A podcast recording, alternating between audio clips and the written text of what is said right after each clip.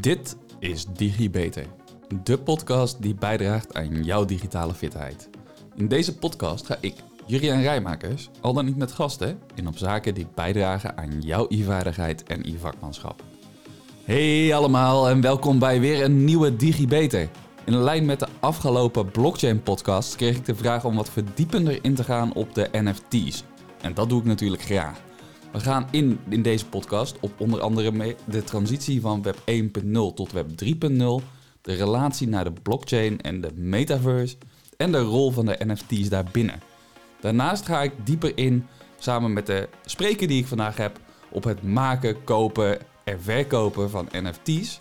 En probeer ik op zoek te gaan naar de kansen en ontwikkelingen die op die markt nog liggen omdat ik op het gebied van de NFT's dus zelf wat minder ervaring heb, heb ik voor deze podcast een gast, zoals ik net al zei, eh, die hier veel meer over weet. En die gast, dat is Ite Smit. Ite, welkom. Jij bent op de hoogte van de diverse ontwikkelingen in de cryptowereld en onder andere de opkomst van Web 3.0. En je bent zelf geregeld privé bezig met eh, crypto en NFT's.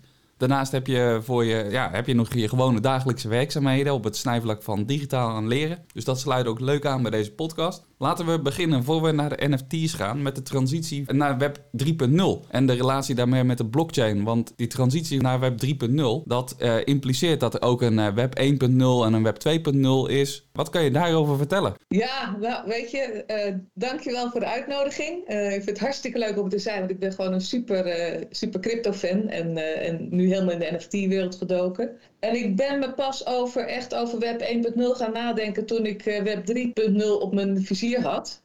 Dus ik heb er mhm. dus over teruggedacht. Uh, maar volgens mij is Web 1.0 gewoon de start van internet. Weet je, toen begon, en je kunt het wel de informatierevolutie noemen. Toen hoefden we niet meer naar de bibliotheek om onze boeken uh, op te zoeken. Maar kon je eigenlijk alles mhm. op internet vinden. Dus dat is Web 1.0. Ja, ja, precies. Ja. En zoals ik het mezelf dan nog herinner, eh, de, ik, ik weet niet uh, hoe, hoe snel jij op internet zat, maar ik zat vrij vlot volgens mij op het internet. En dat was echt uh, websites zoals startpagina.nl, zo'n zo'n hele lelijke statische website. En dan moest je zelf nog door allemaal linkjes heen zoeken en dan kon je klikken en dan ging je naar de volgende statische pagina. Ja, ja, ja. geweldig. En dan kreeg je heel veel informatie, dan wist je niet meer waar je moest zoeken. Dus dan, ja, ja, en uiteindelijk was je oneindig aan doorklikken. Dus ja, dat, uh, dat, is wat ik me nog van 1.0 herinner. Uh, maar volgens mij gingen we, nou ik weet niet precies hoe snel, maar we gingen wel op een gegeven moment naar Web 2.0. En dat werd toch wat interactiever. Ja, en dat is volgens mij het web waar we nu in zitten. Weet je, en waar we, volgens mij zei laatst iemand, 50% van je tijd of zo zit je op, op internet. En dat kan zijn zoals wij nu mhm. zitten in, in Teams. Dat is natuurlijk ook een, een product in de cloud, ook een inter, interproduct.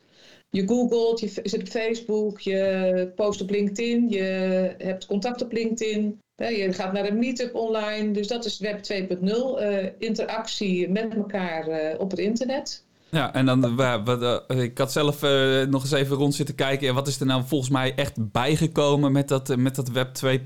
met dat Web 2.0? Volgens mij is dat ook onder andere dingen als ja, dat mensen zijn gaan bloggen. Dus je bent zelf veel meer gaan bijdragen. Een stukje burgerjournalistiek.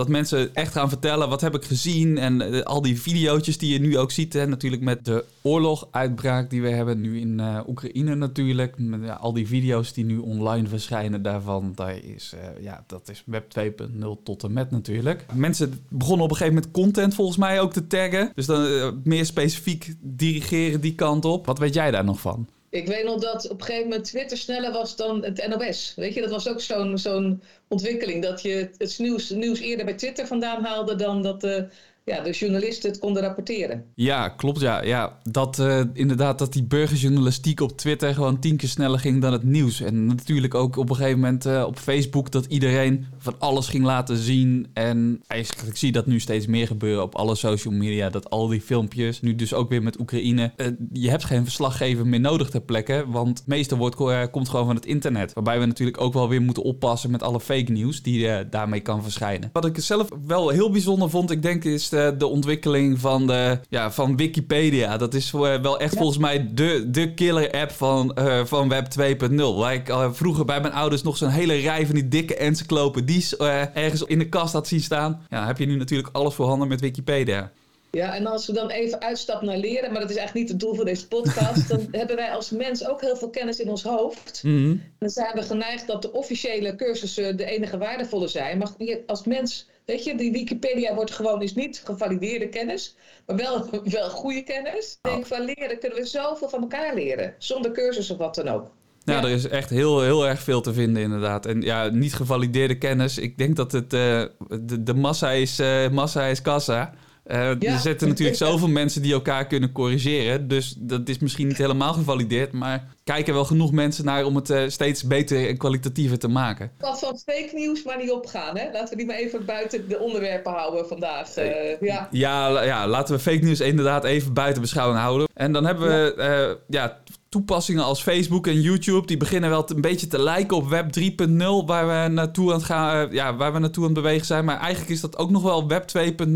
Uh, ja, er kunnen weliswaar communities worden ingericht, maar tegelijkertijd is er wel echt nog uh, sprake van gecentraliseerd bestuur. Hè? Dus centrale governance, waarbij je dat natuurlijk Meta hebt en Alphabet van Google. hoe, hoe zie jij verder Web 3.0 voor je?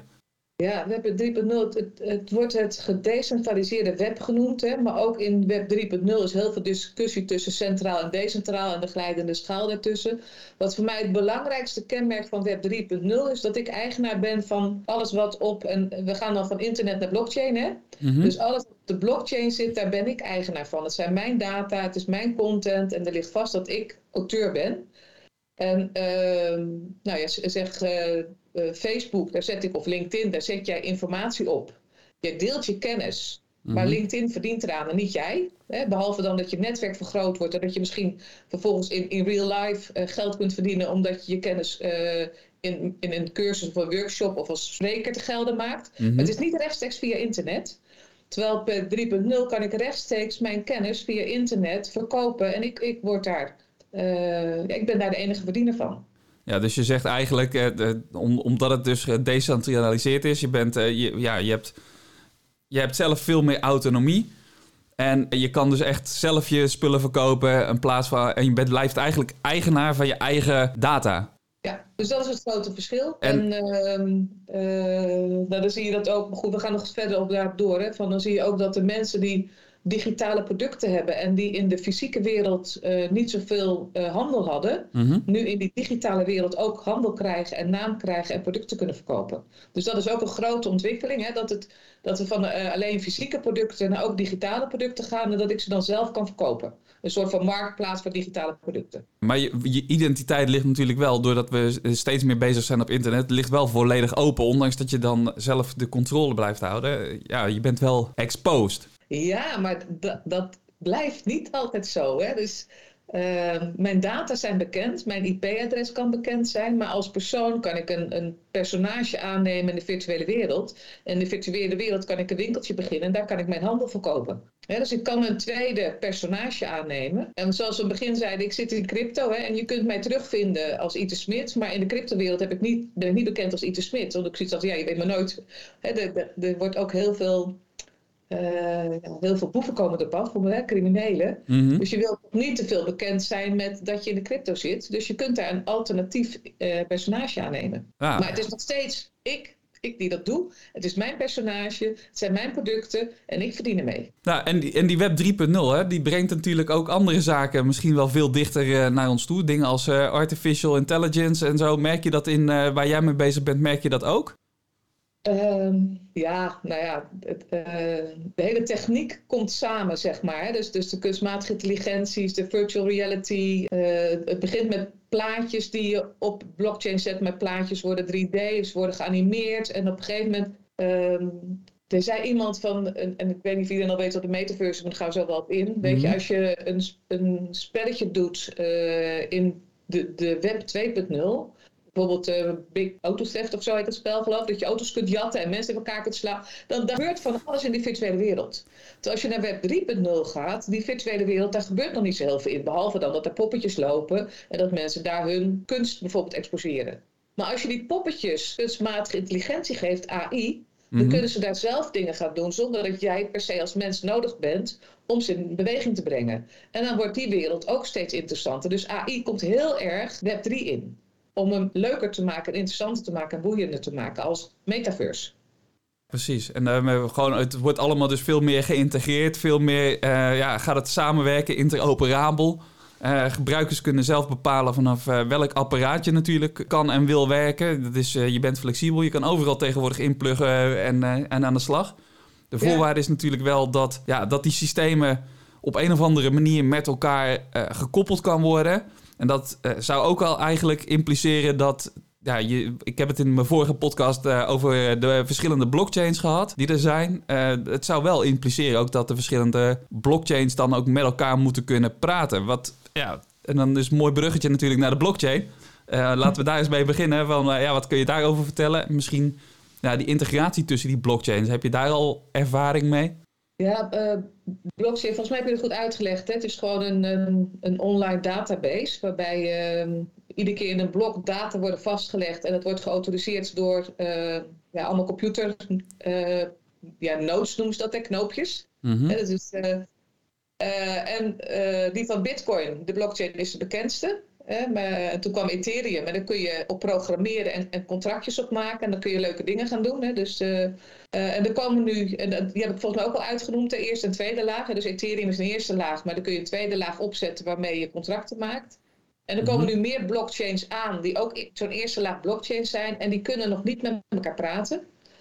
Uh, Vitalik Buterin, dat is een van de grondleggers van Ethereum, die heeft gezegd van wat er nu wel gebeurt is dat er bruggen geslagen worden, dat noemen ze cross-chain, tussen de ene blockchain en de andere. Dat, dat je dus wel dingen van de een op de ander kunt zetten. Ehm, maar ja, het is allemaal geprogrammeerd en uh, programmeren roept hackers. Wat is er nou gaver als wanneer je Ethereum kunt hacken? Dus wat die Buterin, die al aardig in die, die, die code zit, zei van ja, dat cross-chain, dat is super hackbaar. Dat is echt wel. Dus je moet veel meer naar multi-chain gaan. Dat is gewoon in de basis met elkaar al communiceren, zonder dat je daar buitenom moet gaan uh, bruggetjes gaat bouwen. Nou, en, dat is volgens mij nog niet zo ver. Daar zijn ze wel over aan het denken. En hoe dat gaat, weet ik ook niet. En uiteindelijk, weet je, elke, uh, elke uh, metaverse heeft ook een eigen blockchain. Dus uiteindelijk moeten we één grote virtuele wereld krijgen dat alles met elkaar kan praten. Maar dat is technisch heel erg ingewikkeld. Daging voor de toekomst, ja. Dus dat kan nog wel even duren waarschijnlijk.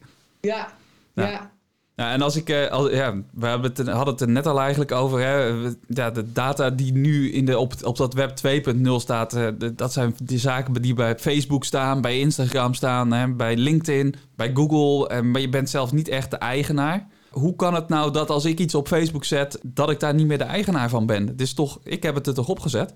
Ja, maar als. Uh Kijk, bij foto's wordt de software al slimmer. Je merkt het al bij YouTube. Als jij uh, in, je, in een uh, PowerPoint een, muziekje zet, mhm. weet je, dan, kan, dan kan het internet al constateren: hey, dat is een muziekje van een muzikant. En dan kan die dat al koppelen aan die muzikant.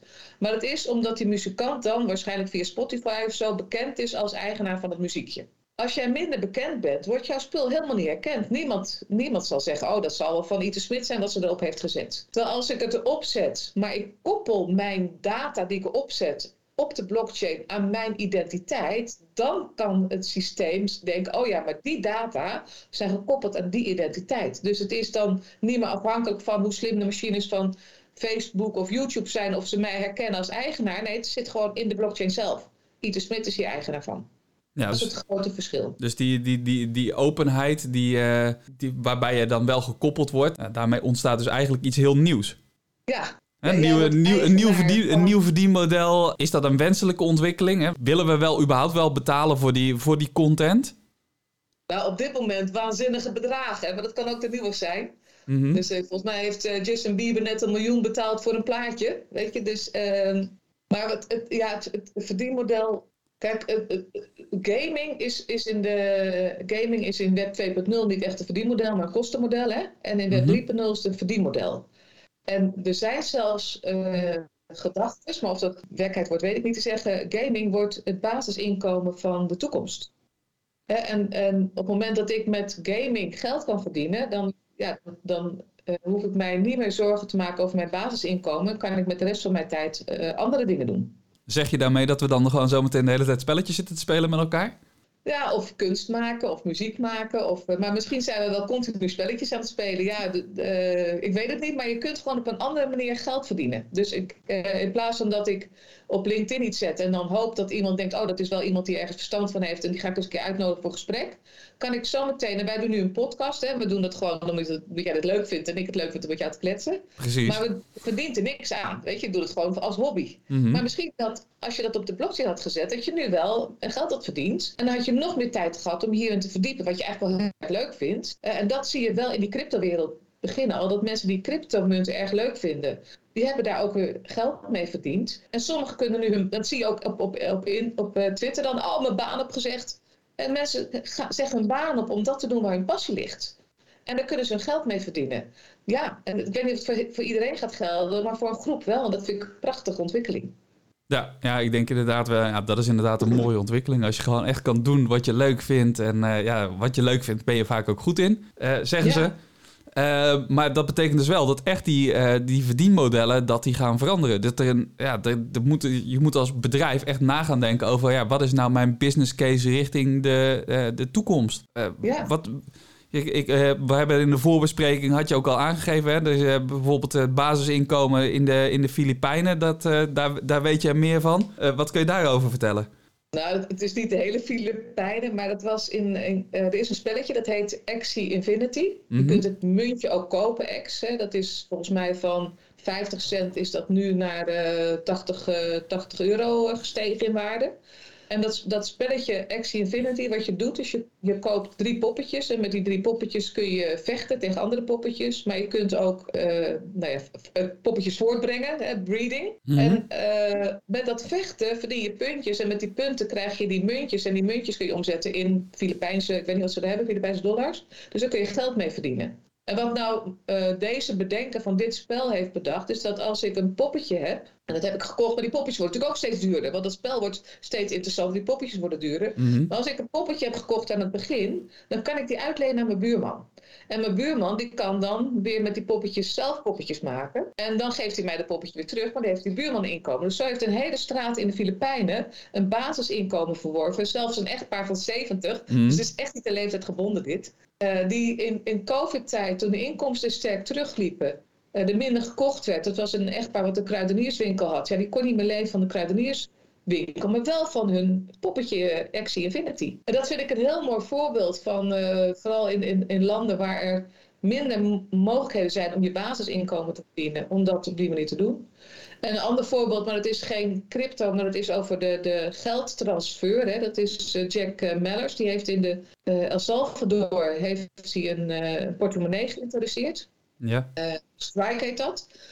En met die portemonnee kun jij dollars in bitcoin omzetten en bitcoin in dollars. Mhm. En uh, in, de, in El Salvador, heel veel mensen hebben familie in Amerika. En die mensen, familie in Amerika, sturen geld naar El Salvador. En uh, dan moet je in El Salvador, vaak hebben mensen geen bankrekening. moet je een dag reizen voor je bij de bank bent. Dan kun je dat geld opnemen. Waar de Western Union al de helft vanaf heeft gehaald vanwege transportkosten. En met de introductie van deze bitcoin, wat is een bitcoin wallet, mm kan die familie in Amerika die dollar op de, op de wallet zetten. Het wordt omgezet in bitcoin. Het gaat in bitcoin naar El Salvador. En de president van El Salvador heeft bitcoin als nationaal betaalmiddel erkend. Want die hadden alleen maar de Amerikaanse dollar. Dus op die manier heb je ook een, nou ja, ook een verdienmodel. Uh, namelijk omdat het internationale geldtransport veel goedkoper is. Ja, ja, maar voor de banken is dit ook de wereld op zijn kop dus die zijn nu ook aan het nadenken. En wij zitten nu met Oekraïne. Ik weet niet hoe het precies gaat. Maar er wordt gesproken dat ze de SWIFT-bankrekening van Poetin willen stoppen. Maar uh, Rusland heeft twee weken geleden Bitcoin legaal verklaard. Ja, ik weet niet of hij zijn geld al heeft gezet. Weet je, je bent onafhankelijk van het banksysteem met dit andere betaalmiddel. Dus ook dat is een ander model. Ja, precies. Dus uh, dat was inderdaad een van de dingen die ik ook had uh, bij Oekraïne. En ik denk, als we kijken naar die verdienmodellen, er zitten natuurlijk nou, moeten we zomaar even op de smart contracts ingaan ook. Maar ja, de vraag is inderdaad van wat, wat gaat er nou gebeuren? Kun je bepaalde zaken nog stoppen? En kun je ja, Rusland nog wel afsluiten? Gevolg, hè? Ik bedoel, je hebt bad guys en good guys in de wereld. Dus het, het, uh, het zal zich ontvouwen. Mm Maar ik geloof heel, ik heb een roze bril, dus ik geloof hier heel erg in. Dat dit gewoon heel veel mensen die nu uh, weinig mogelijkheden hebben, veel meer mogelijkheden zal bieden. Maar kunnen we Rusland dan nog wel afsluiten van de wereldeconomie als uh, nou, mensen in uh, de Filipijnen ook al geld kunnen verdienen uh, door zo'n. Ik, weet niet, ik weet niet hoe snel die is geweest en hoe geavanceerd die al bezig is geweest, maar anders kun je hem niet uitsluiten van de economie. Goed, en ook dan, niet van de handel. Ja, sorry. Geld en handel blijft gewoon toegankelijk. En zou, zou je dat niet in een smart contract kunnen, kunnen vervangen dan met een bepaalde regel daarachter? Van nou ja, als je uit een bepaald land komt, oh ja, dan kun je natuurlijk ook wel weer omzeilen door, door VPN's en zo. Ja, ja, je bent, ja, dus het is niet in de regel te vangen. Kijken hoe deze ontwikkelingen zich... Uh, ja, uh, boeiende ontwikkelingen, ja. ja en uh, nou ja, wat ik zei, ik, ja, we hebben, ik heb het in mijn vorige podcast heb ik het al eerder gehad over smart contracts. Hè, podcast zowel 13, 14 als 15 als 16, dus zaten ze er helemaal in. Maar jij kan er vast een ander licht ook nog wel weer op laten schijnen. In, in relatie tot de NFT's en ja, waar we zo naartoe gaan. Ja, volgens mij. Uh, jij bent meer van de technologie en ik ben meer van de leuke dingen die je ermee kunt doen. Uh, dus wat ik, wat ik van smart contracts weet, is, is dat als ik een. Um, heb, je al, heb je al de NFT's uitgelegd of moeten we dat nog een keer uitleggen? Ja, we kunnen we zo wel uitleggen. Nadat, uh, laten we eerst even de smart contracts doen en dan misschien. Ja, misschien kan we uiteraard een bruggetje maken, maar dan leggen we zo gaan we nog wel even in okay, op de NFT's. Ja, maar smart contracts is niks anders dan een als-dan uh, afspraak. Dus je, je, je programmeert in als ik dit doe, dan doe jij dat. En als jij dat doet, dan doe ik dat. En als jij dat doet. En als je dan uh, bijvoorbeeld voor, en, en dan heb je de, de kunst, en de digitale kunst en de smart contract voor digitale kunst, kun je afspreken als ik dit, als ik jou zoveel Ethereum geef, dan krijg ik van jou de eigendomsbewijs op de blockchain van dit kunstobject. Mm -hmm. Maar we spreken meteen af dat als ik dit koop, dat ik dan ook uh, eh, 5% betaal aan, uh, zeg maar, dat is een verkeerd voorbeeld, als ik het verkoop, als ik het dan weer verkoop, dat ik dan weer alsnog 5% betaal aan jou als originele maker. Dus ik koop het van jou en ik krijg mhm. dat object. Maar in dat smart contract zeggen we ook, als ik het verkoop aan een ander, dan gaat altijd 5% naar jou. Dus dat is een afspraak die je kunt maken. En die, als die ander het weer verkoopt, dan blijft die afspraak bestaan. Dat is een smart contract. Dus wat we smart afgesproken hebben, is dat we ja, in een als dan, in een algoritme, een aantal dingen hebben afgesproken rondom de transactie die we uitvoeren op de blockchain.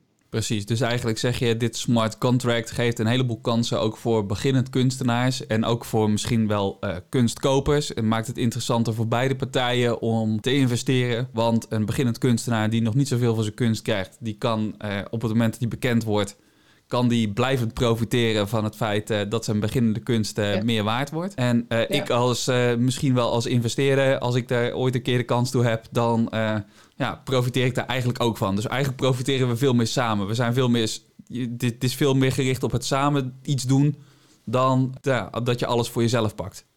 Ja, maar, er zit altijd een maar aan. Als jij dus op de blockchain iets koopt, dan koop je ook een smart contract erbij.